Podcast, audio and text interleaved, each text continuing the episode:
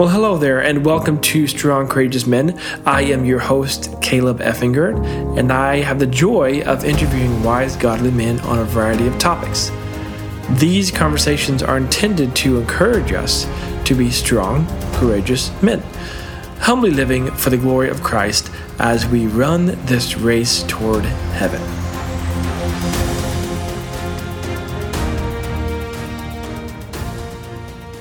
Well, today I want to welcome Dr. Eric Weathers. Eric is a Senior Vice President of Strategic Partnerships for TMAI. Uh, Eric completed his Master of Divinity and Doctor of Ministry at the Master's Seminary. Eric lives in the Dallas Fort Worth area with his bride, Debbie, and they are missionaries and attend Countryside Bible Church. So, Eric, welcome to the show. Hey, it's an honor to be here. Thank you, Caleb. Well, Eric, today's episode is being titled Being a Godly Employee. And you did your doctoral thesis on practicing biblical principles in the marketplace. Uh, so I'm glad we're speaking uh, about this topic because we have a lot of time at work. I think it's very important to discuss this topic and think biblically about it. Um, so, actually, if you don't mind, before we get started, I'm just curious why this topic? What led you to doing your doctoral thesis uh, about this? Yeah, great question. Um, I served in the uh, corporate world for about 20 years at FedEx Corporate Services in various different roles, all the way from, uh, you know, back in the 80s, I was a package handler in Burbank, California, loading boxes on aircraft cans and helicopters and all that. And ended up promoting in the company and uh, ultimately ended up in the world headquarters training others uh, in business practices, specifically sales training in Memphis, Tennessee. And as a young believer, I was always looking for other men who could mentor me, not just in my craft, but also in biblical principles for work. How can I think about both of those with such clarity? And as I might, and as long as I did, there was just never anybody that that the Lord brought to me. That's not to say there weren't people out there. It's just to say that they weren't. Uh, the, the, Lord never brought a person like that to me. So when my career uh, ended, I went back to seminary that I'd started in the 80s. Went back in 2010 and finished my MDiv, and then rolled out as an older guy preaching and recognizing that I needed more help in my preaching skill set. And so I pursued a doctorate of ministry and expository preaching just to gain more tools in the tool well. And then when the assignment, uh, the choice of an assignment came to do our dissertation and, and project, uh, I thought, well, all those years I tried to find good books and good resources and people that could mentor me in my trade and, and yet disciple me through the word of God. And, you know, maybe now I need to study that. I need to dig deep into the word of God and so that's what I did. I preached nine sermons that required lengthy study, exegetical study in both the Greek and Hebrew on those texts. And to put together sermons that would encourage God's people to really understand biblical principles, and more importantly, or just as importantly, to serve Christ in the marketplace based from the truth of Scripture, not from what we think Scripture teaches, but what Scripture actually teaches, authorial intent. And so that's where it all hit. And it was such a joy to preach those sermons. I literally preached them all over the world in Asia and in uh, in Europe and in the U.S. And so it was a great delight. And so here we are, uh, many years later, still talking about the same subject.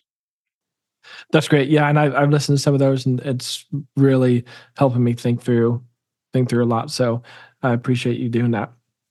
Well, okay. So being a godly employee, being being a godly person in the workplace how should a christian view his job his or her job?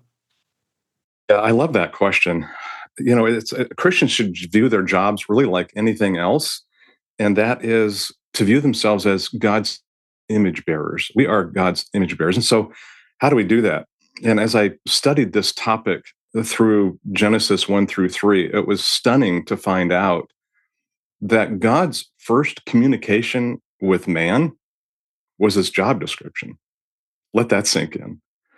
Let me read it to you. I'm right here in Genesis chapter 1, verse 26, and I'm just going to read a few verses. Again, this is Genesis chapter one.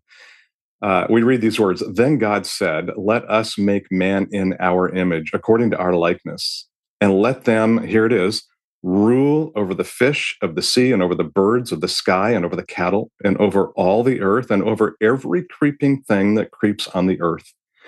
God created man in his own image. In the image of God, he created him. Male and female, he created them. God blessed them. And God said to them, Be fruitful and multiply and fill the earth and subdue it. There's our job description subdue the earth and rule over it. Over what? Well, here's some categories over the fish of the sea and over the birds of the sky and over every living thing that moves on the earth. And it just hit me. You know, when I first looked at that, I thought, wow, God's first communication with man is to bear his image, and then he tells us how to do it by ruling over everything that he's given us. And so we bear his image by exercising dominion over the earth. And it's such a great joy. But then later in the Old Testament, places like Psalm 128, even places like Psalm 8, if you don't mind, can I just read a few verses out of those? because this tells us the importance of ruling over those things as it as it relates to not only us as individuals but our families even so in psalm 8 it says you have made him a little lower than god that's god making man a, a little lower than god and you crown him with glory and majesty here it is, verse six. You make him to rule over the works of your hands. You put all things under his feet. He made us to rule over those things that he's created. And in verse seven, he gives more examples all sheep and oxen and all the beasts of the field, the birds of the heaven, the fish of the sea, whatever passes through the paths of the sea. And here's to the praise of God in verse nine. Oh, Yahweh, our Lord, how majestic is your name in all the earth for him to give us that job description and then to enjoy the spoils of our work, not just to take care of our families, but now that we're in the church age, to take care of the church. There's one more passage I think that really nails this understanding of Genesis 1, and that is Psalm 128, verses 1 through 4. And I'll read that one too. How blessed is everyone who fears Yahweh, who walks in his ways. When you shall eat of the fruit of your hands, here's what happens you'll be happy and it will be well with you. Oh, I love this because this is the family. Your wife shall be like a fruitful vine within your house because you're taking care of her. Your children, like olive plants around the table. The idea is your children are going to grow because you're working and taking care of them. Verse four, blessed, or excuse it said, behold, for thus shall the man be blessed who fears Yahweh. And so it's from that idea that we get the requirement to work for God's glory, not just for work's sake, but because that's how God blesses his people. And if we were to flip over to, we don't have to, but if you just keep in mind Genesis 2 5 and 215, God called man to cultivate the ground and to take care of it so that things will grow. And this is not just talking about farmers now in our age. We're not all farmers, but the idea is we still have to subdue those things that God has created and bring them into a way that harnesses what God has given us to serve us and to serve mankind because God has given us those things. So uh, later on in Genesis 3:15 I like to call it Genesis 1 and 2 work inside the garden and then Genesis 3, uh, post curse, uh, work outside the garden. And, and now, uh, now we, we read there that God cursed the ground. And so we still have to toil, we still have to work hard, we still have to cultivate, but it's by the sweat of our brow. That's the curse that God has placed on the land that we still have to work hard. Uh, I could imagine Adam, when he reached his 900s, he thought about the good old day when uh, when he was not judged for sin and he didn't have to work by the sweat of his brow. But you know, there there we are. We're there, and we're still called to work hard. So that's how we should view our jobs: is bearing God's image. There's another way that Christians should view their job is as a an opportunity to work worthily of our calling, and we get that from Ephesians chapter four, verse one. God says, "Work worthily of your calling." And so, where do we get that? Where's our calling? Where our calling is in chapter one, verse four. Uh, God the Father chose us. Then again in chapter one, the Son redeemed us. And in chapter one, the Holy Spirit, we are held by the Spirit. So, the whole Trinity is involved in our salvation in Christ. Where I'm going with that is chapters one through three are really theological, tells us who we are in Christ chapters five through six tell us how to act like it. Excuse me, four through six tell us how to act like it. So that's how we need to be viewing our job as an opportunity to walk worthily of our calling that God has given us. And I'll get into chapters five and six a little bit later with more detail, especially in chapter six. But again, the, the, the believer should view their job as an opportunity to to practice God's will, to do God's will. So if we take a really close look at another time at Ephesians 1 through 3, we see who we are in Christ. But we turn to chapter 5, and, and, I'll, and I'll turn there just so I can read it. In chapter 5, verse 15, he says, Therefore, look carefully how you walk, not as unwise men, but as wise. He talks about redeeming the time. Well, why should we redeem the time? he tells us, well, because the days are evil. And then he says, in verse 17, he says, um, So then, do not be foolish, but understand what the will of the Lord is. Caleb, I would ask you a question based on that verse. If we don't know God's will, if he says, don't be foolish, but understand God's will, a person who doesn't know, know God's will is a what? A fool. yeah, it's foolish not to know God's will. And in this text specifically, he lays out what that means in terms of not being foolish, but knowing God's will. He tells us to be filled with the Spirit. He tells us to be filled with the Spirit. But before that, he says, don't get drunk with wine because that's dissipation. That's the word. Dissipation is the word that means, uh, if you directly translate from Greek, it means it doesn't save. Don't be filled with wine because it doesn't save, but be filled with the Spirit. And then he gives us five ways to be filled with the Spirit. I'm going somewhere with this as it relates to our work, I promise. In verse 19, one of those five ways is speaking to one another in psalms, hymns, and spiritual songs. The second one is singing. The third one is making melody with your heart to the Lord. The fourth one is giving thanks for all things in the name of the Lord Jesus Christ, even to the Father. And the fifth one is being subject to one another in the fear of Christ. So we're not to in not knowing God's will, we are to be filled with the Spirit. It's it's a passive verb. All that means is as we exhibit these characteristics, the Spirit fills us. The one, the last one is the one we're most interested in as it comes to the topic of work. And it has to do with submission. First, he lays out submission of wives to husbands. And then he talks about how husbands need to love their wives as Christ loved the church. And then he talks about how children need to honor their parents and how parents need not uh, exasperate their children that really rolls into chapter six when we get to the point where we get to employee and employer relationship. Eric, you said practice God's will. That kind of got me because I'm not typically going to work, to, to, my shame, I'm not typically going to work thinking about practicing God's will. I'm going to work thinking, I have a deadline today, I've got to hit it, or we're, we're going to be in trouble. Uh, so that's something that I I need to work on. So I'm glad you're chatting through this with us here. So how should a Christian view his boss then, in, in light of everything we're talking about? Um, and then probably the opposite. We should ask uh, how should a boss view his employees? Yeah, spend some time talking to us about that. Well, you know, we we just talked about being filled with the Spirit, not being foolish, but understanding what God's will is. And one of the things that we looked at more specifically is being subject to one another in the fear of Christ. And as we go through those ways to be subject to one another, we reach chapter six in Ephesians, and specifically verses five through eight.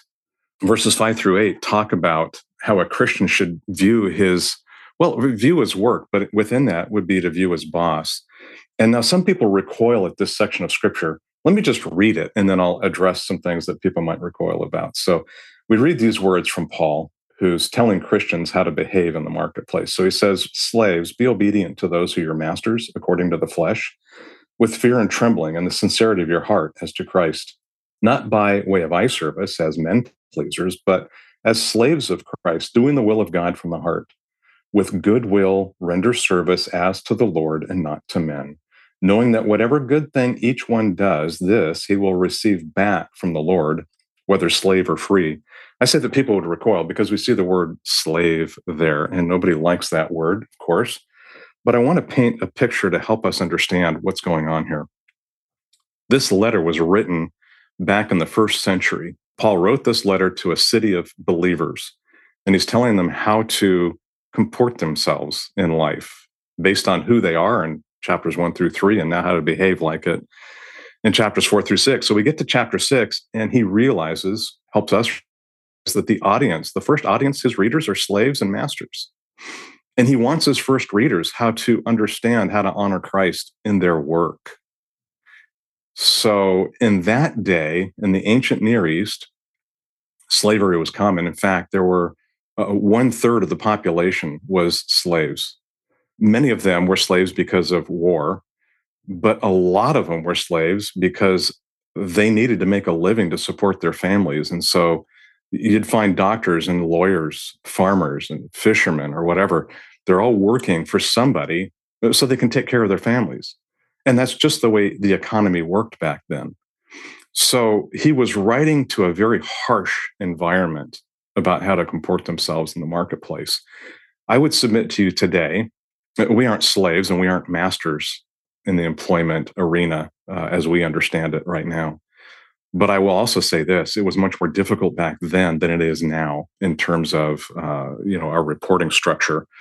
So when we think of slaves being obedient, that's that being filled with the Spirit. We're submitting to our masters in this regard. So employees are submitting to their boss, and bosses are submitting to their bosses. So he says, submit to them according to the flesh with how?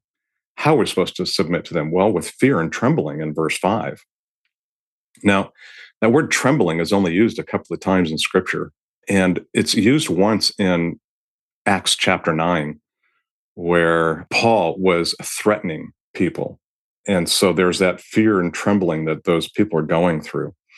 So, in the sincerity of your heart, so we're to obey them in the sincerity of our heart as unto Christ. So, what I say here is that a believer ought to be able to look at this and go, well, okay, I am to work at my place of employment as though I'm working for Jesus himself. Now, this is a simile. This is not saying you're working for Jesus himself. It's as though the idea is when you're at work and the boss is tough, when maybe the boss is on the warpath and nobody's happy, what an opportunity for a believer to live beyond that in the face of opposition in the face of onlooking maybe customers, maybe people throughout the supply chain, maybe coworkers are watching a believer how they work and how do they respond to the boss? Do they lash out at the boss? Do they talk behind the boss's back? Are they disrespectful? Or do they serve that boss as though he's Jesus himself? What a what a great perspective Paul has given us here. But then he goes a little bit deeper. He says, not by way of eye service as men pleasers, but as slaves of Christ, that word eye service there is only used twice in ancient Greek, and it's used here and it's used in the book of Colossians. We couldn't find it anywhere else throughout any other Greek scripture or Greek uh, writings. And it literally translates eye slavery. he's talking to slaves, he's talking to masters. He tells the slaves, don't work by being a slave, uh, by being a slave to the watchful eye of others. Work as unto Christ. So for those who work, labor harder at your home office than you would in other places because Christ is there with you and he's watching. And so that's important to us. And he says, um, doing God's will from the heart. Now, that word doing there is very important because it's going to show up again when we get to uh, those who manage believers who manage us, who manage others.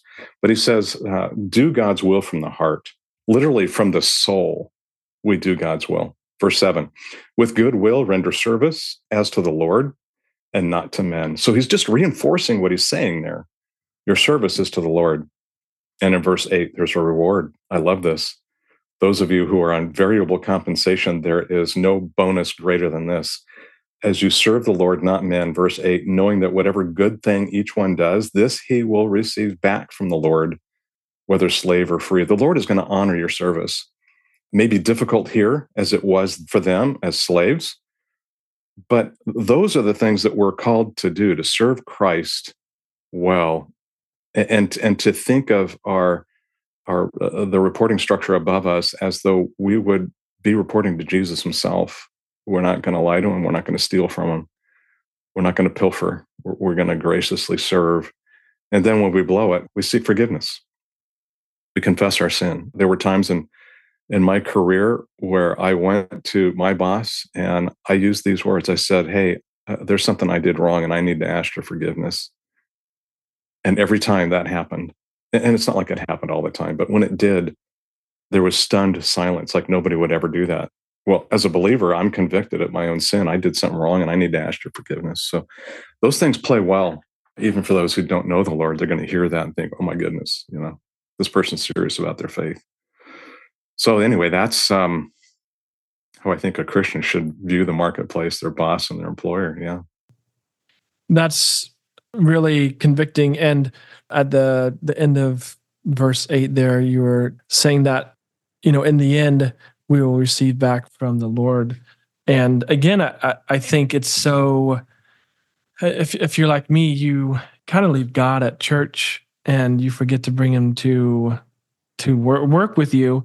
And you know, every time that you know, hey, you were you were cheated on your your paycheck because of you know what you thought you earned and your boss didn't didn't see it the same way. And um, you know we just fester and get upset. And yeah so this is this is helpful to to kind of restructure my mindset to to really always be focused on on the ultimate boss which is which is the lord. So it's it, it requires a lot of discipline and hard work because it's not easy to to be cheated or or felt like you were cheated out of something at your job. So it takes a lot of prayer. Yeah, absolutely. You know, you you mentioned something earlier about how you you might have a whole lot of things to do at work in a day, and uh, Martin Luther recognized that same problem. His day was filled, and so uh, his response to that was, "Well, I just need a few more hours in prayer in the morning then to get ready."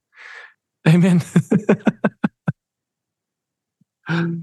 oh wow, that is that's so true. It's so true. So dive in dive into then uh, how should a Christian boss view his employees and treat them? Yeah, good.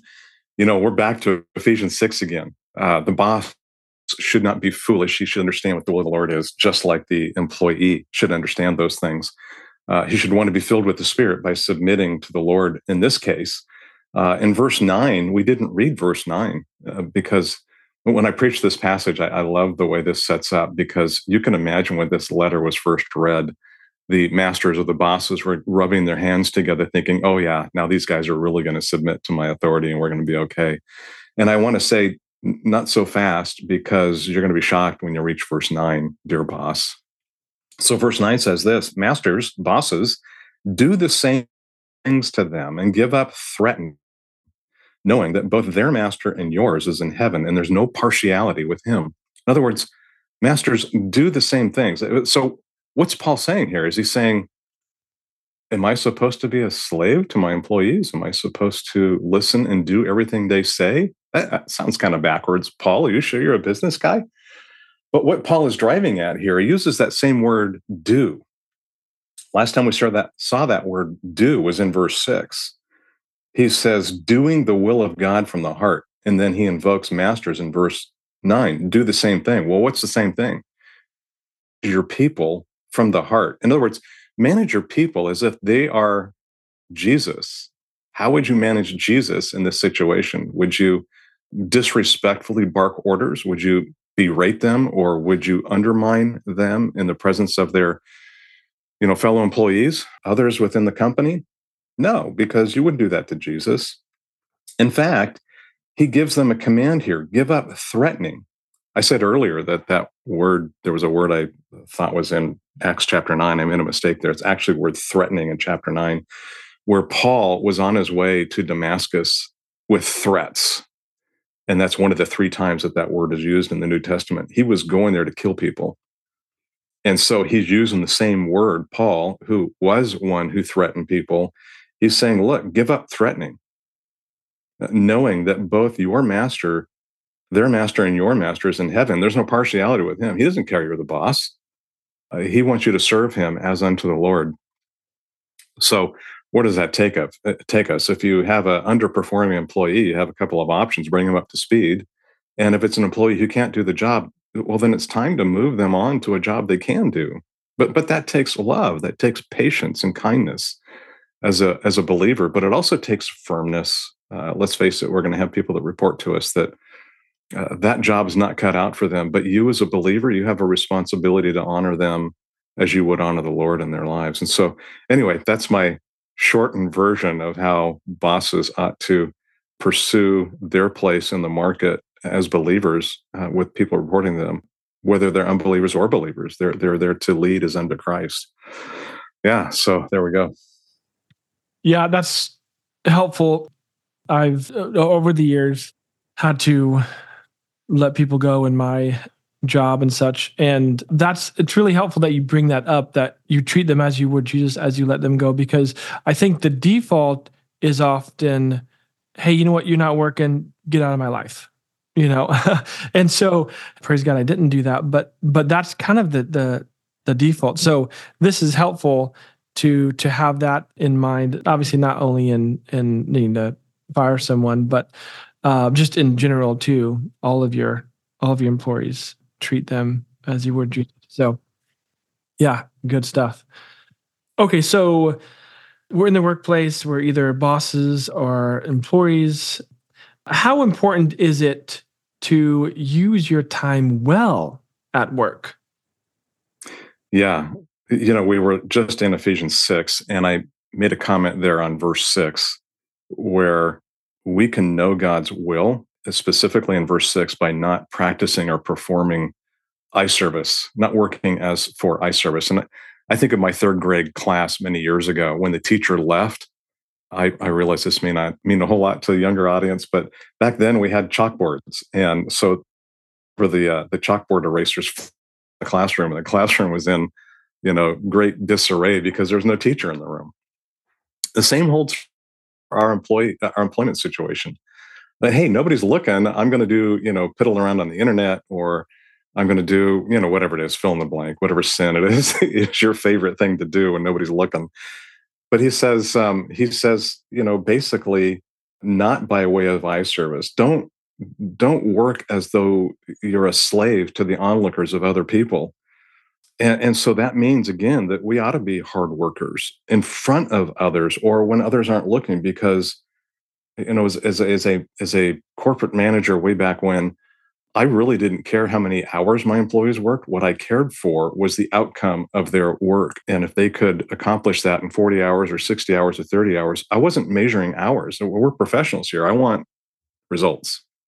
And so the results I want or what Christ would want. And so I want to spend my time in a way that honors him. Sure, take vacations, take time off. You know, we have sick leave, all that stuff. That's not what we're talking about here. We're talking about daily grind, working well for Christ so believers are to really vigorously pursue, uh, you know, their department goals, their corporate goals, and they're to see those things as an opportunity. It's an evangelism opportunity.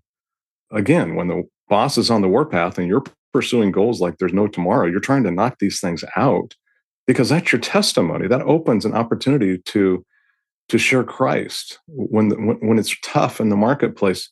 Co-workers are going to ask, "What makes you tick?" and there's your opportunity to to share Christ appropriately. So, uh, you know that that that's how I view that whole thing. Uh, work is unto Christ. You know, work well. Use your time well at work. This is helpful helpful stuff. Uh, so that kind of leads into the next thing. Then, as a Christian, when is it appropriate to share the gospel at work? Yeah, you know, based on all that we've discussed here, living for Christ in the marketplace you are, in a sense, sharing Christ. Now, don't hear me wrong. I'm not saying share the gospel without words. That's not what I'm saying at all. But what I am saying is let your work performance, let the biblical principles that you practice in work catch the attention of the unbelievers because they're going to want to know, as I said a moment ago, they're going to know what makes you tick. Why do you do this? Nobody else serves, nobody else works like this in our company, and they're going to know what's different.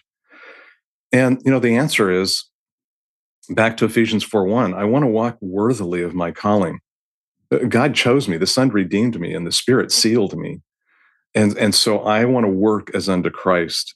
And I want to submit to the Lord who has charge over my life. And so those, those biblical work ethics, as we carry them out, are going to draw questions. And sometimes they might even draw derision. Uh, you know, in a Marxist mindset, those who are overachievers aren't met well in terms of longing to be like them. There, there, there's that idea of don't work so hard because you're making the rest of us look bad. I'm sorry. Uh, I'm not here to make you look bad or to look good. I'm here to make my Savior look good.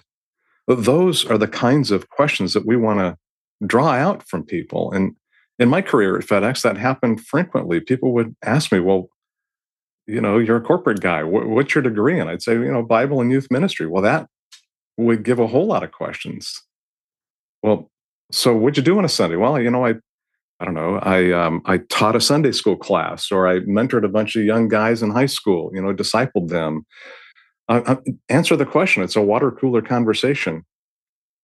You know, First Peter three, 13 through 18 there is so critical because it informs us about how to be ready to give a reason for the hope that's within us. So even in the marketplace, when people notice that your work ethic is strong, they're going to ask you why. Now it's time to say, well, because of the gospel. because of the gospel, this is the way I serve Christ. Uh, so to be ready to give a reason for the hope and to do that appropriately. And sometimes that means you need to have those conversations before work, after work, maybe over lunch or something like that. In a litigious society, you're going to be looking for ways to to certainly avoid getting brought up on charges or things like that. But take the opportunity to share Christ. At least you'll still have your head at the end of the thing. You may not have your job, but you'll have your head.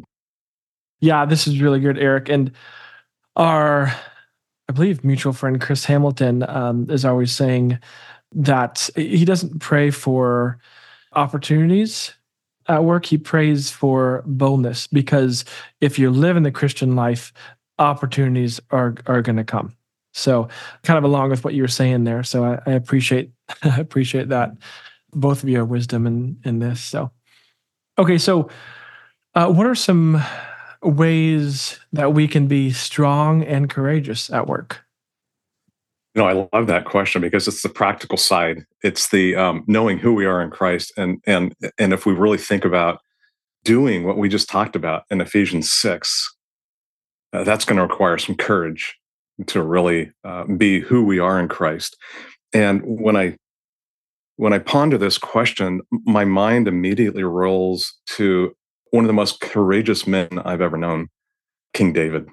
King David was a, indeed a courageous man who lived for God's glory. He wrote much of what we see in the Psalms. And he once struggled with being a courageous man in God's presence. In Psalm 15, was one of the sermons I preached in my doctoral dissertation. Uh, psalm 15 is very short, it's five verses. And in that psalm, King David wrestled with this whole idea of being courageous. And that psalm, he gives us several characteristics of what it means to be a person who is allowed to be in God's presence. To look at the psalm itself, five verses. But when I think about how does it apply in the marketplace, there are key marketplace things in here that that we go through as professionals, whether corporate office, in a, in a legal office, a physician's office, or whether we're a um, a cashier. Do they even have cashiers anymore?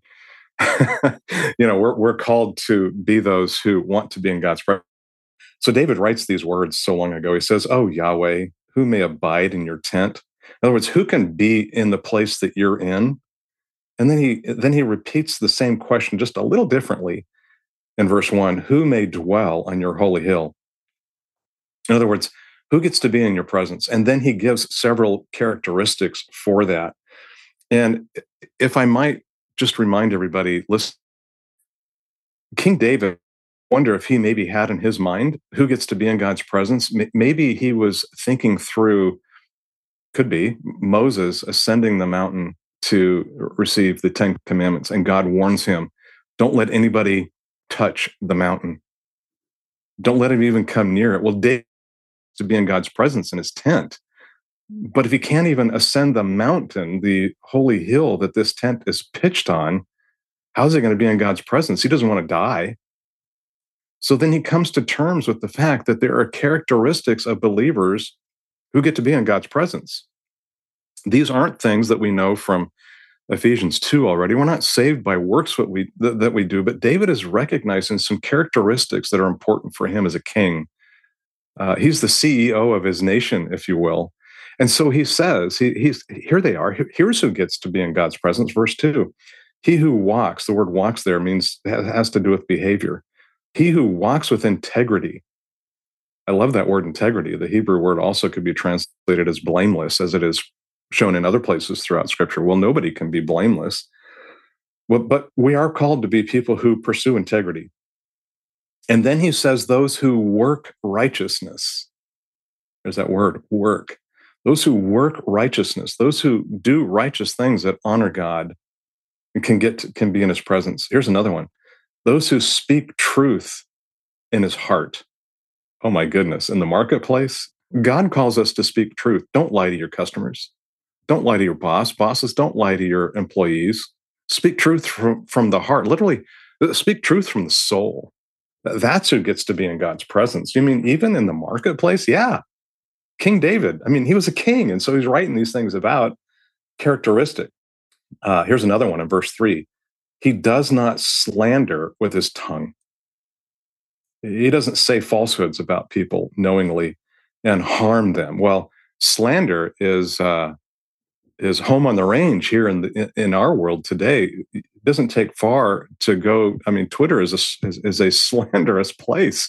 P- people say all kinds of things about others. Well, that ought not to be a believer's homeland. Uh, we are not to slander people. That's a characteristic that is not of those who would be in God's presence. And then he gives another one. Nor does evil to his neighbor. Who's his neighbor? Uh, anybody within their uh, realm of influence we don't do evil to people. We don't take up a reproach against a friend. In other words, we don't get back at them. Those are characteristics that honor the Lord, even in the marketplace. But those, uh, but he who honors those who fear Yahweh, that's a good characteristic. So if you have, you know, employees that work with you or for you, or you work for them, honor those who fear Yahweh. Work hard for them.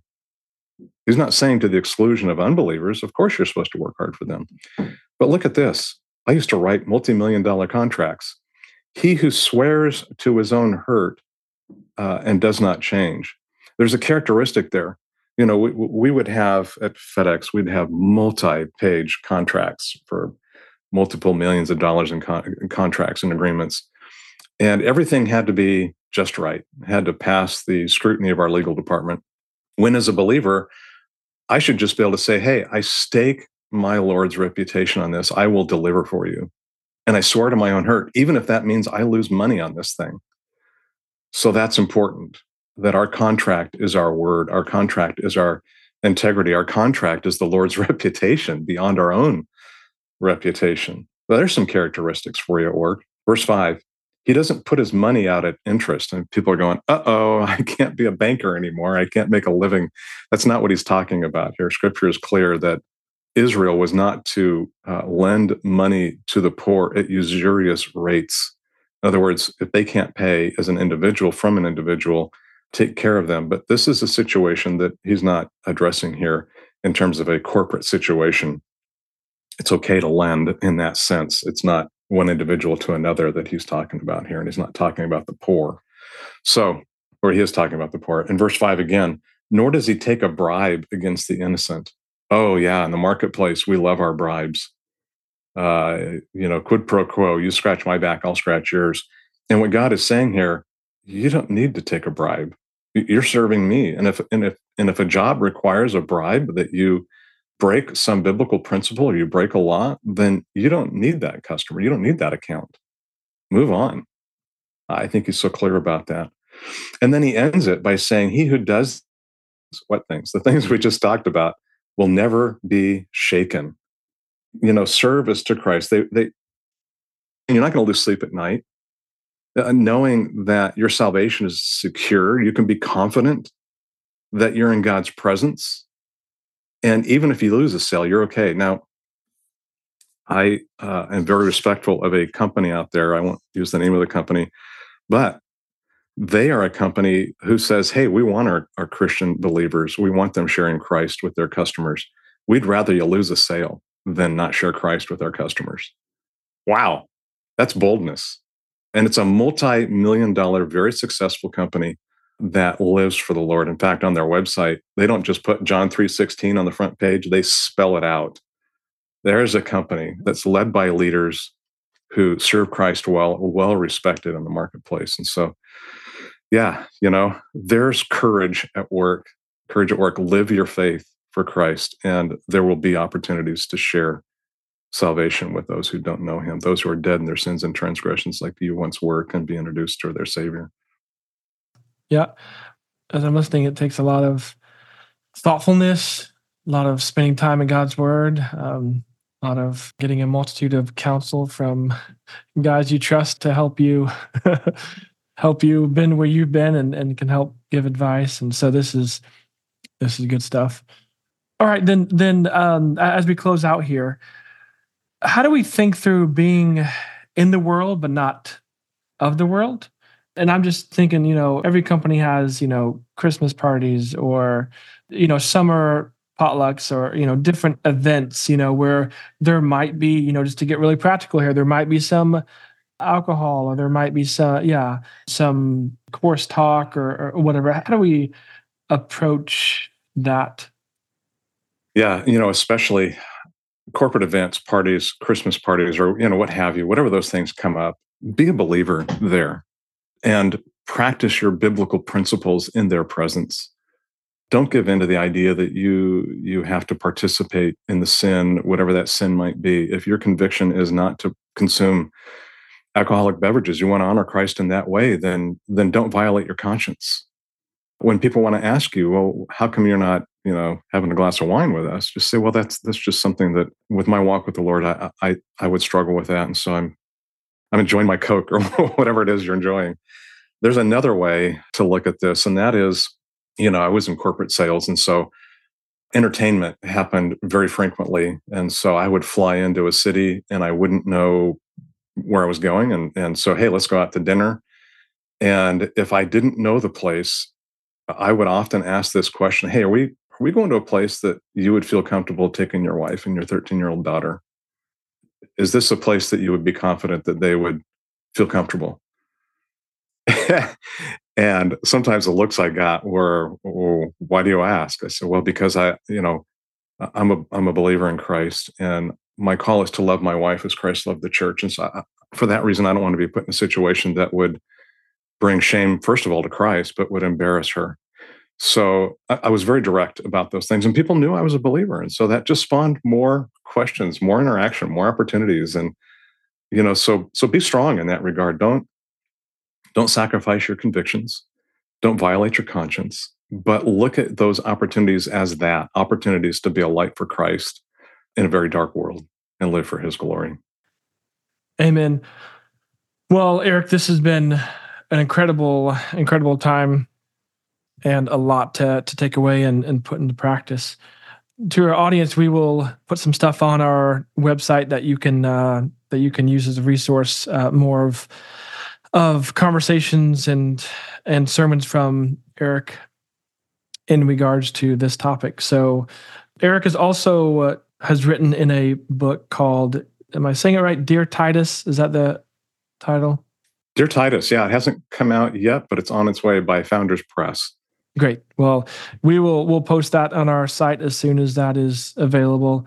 And I just uh, just to clarify, I have one chapter in there within that book. It's a multi-authored work from Founders Press, and my chapter is the whole idea of work hard.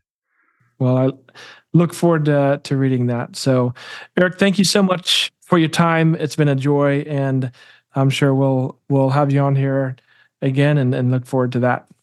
Oh, that would be an honor, Caleb. Thank you.